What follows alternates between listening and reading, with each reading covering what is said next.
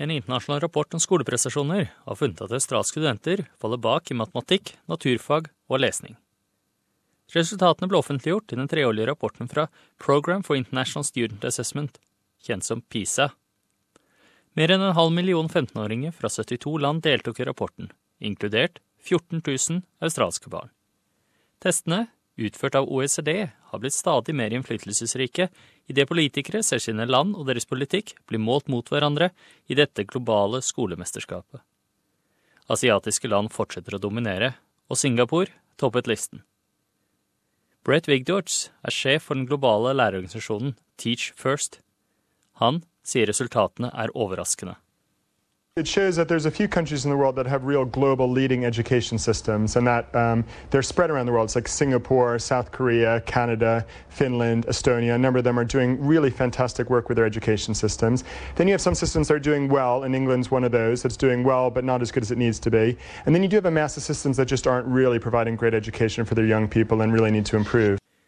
Australia er over OECD-gjennomsnittet, men er på delt tiendeplass i vitenskap, delt tolvte i lesning og delt 20.-plass i matematikk.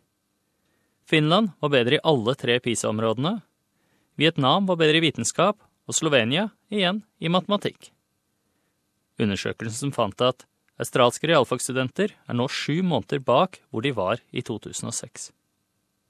En australsk matematikkstudent er ett år med skolegang bak hvor de var i 2003, og de australske elevenes leseferdigheter har også falt med ett år siden 2000.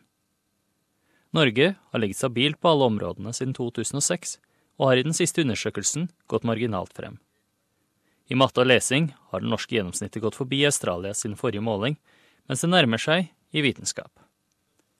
Norge har større likhet i utdanningen uavhengig av hvilket samfunnslag elevene kommer fra, mens Australia gjør det bedre enn Norge når det gjelder utdanningsnivået til innvandrere. Dr. Jennifer Buckingham er fra Senter for uavhengige studier. Hun fortalte ABC at Australia har mye å lære av Singapore.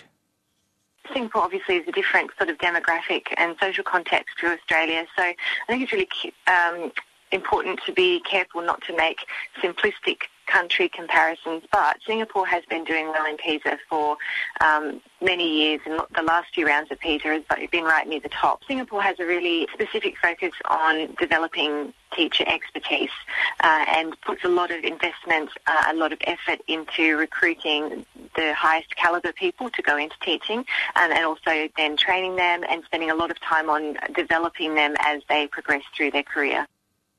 Siste ukes TIMS viste også at australske elever er midt på treet etter 20 år med testing.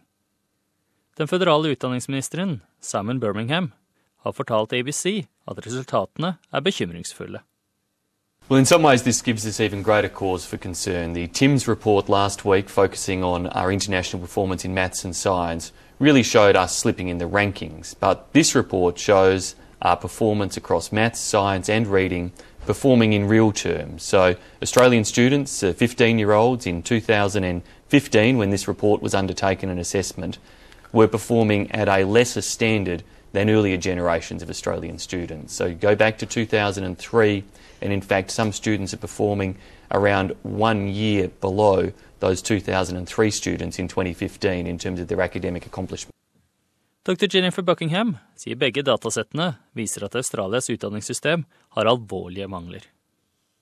One of the things that comes through quite clearly when you look at multiple comparisons of countries over multiple years is a relationship between certain styles of teaching uh, and student performance. So um, over the last few cycles of PISA, we have seen a, a relationship between teacher-directed styles of, of um, classroom pedagogy, and that means explicit instruction in really core concepts. So, teacher deliberately and methodically leads students through uh, what they need to learn, uh, checking for their understanding, lots of monitoring and assessment, that sort of thing.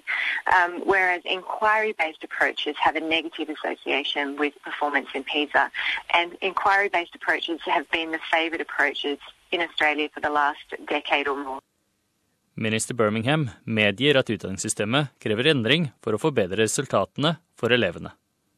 We should recognise that our system still performs above the OECD average. So, first of all, it's not a crisis point, but it is absolutely a warning signal that we are in a downward trajectory and trend that we need to work to reverse. Now, the factors influencing that, some of them will be the home environment, some of them may be technology, but of course, the things within our control in terms of how we prepare and train our teachers, where we make sure we intervene at the earliest stages, the levels of ambition we set within our schools, they're the factors I hope that we, state and territory education ministers working with me, can focus on for the future.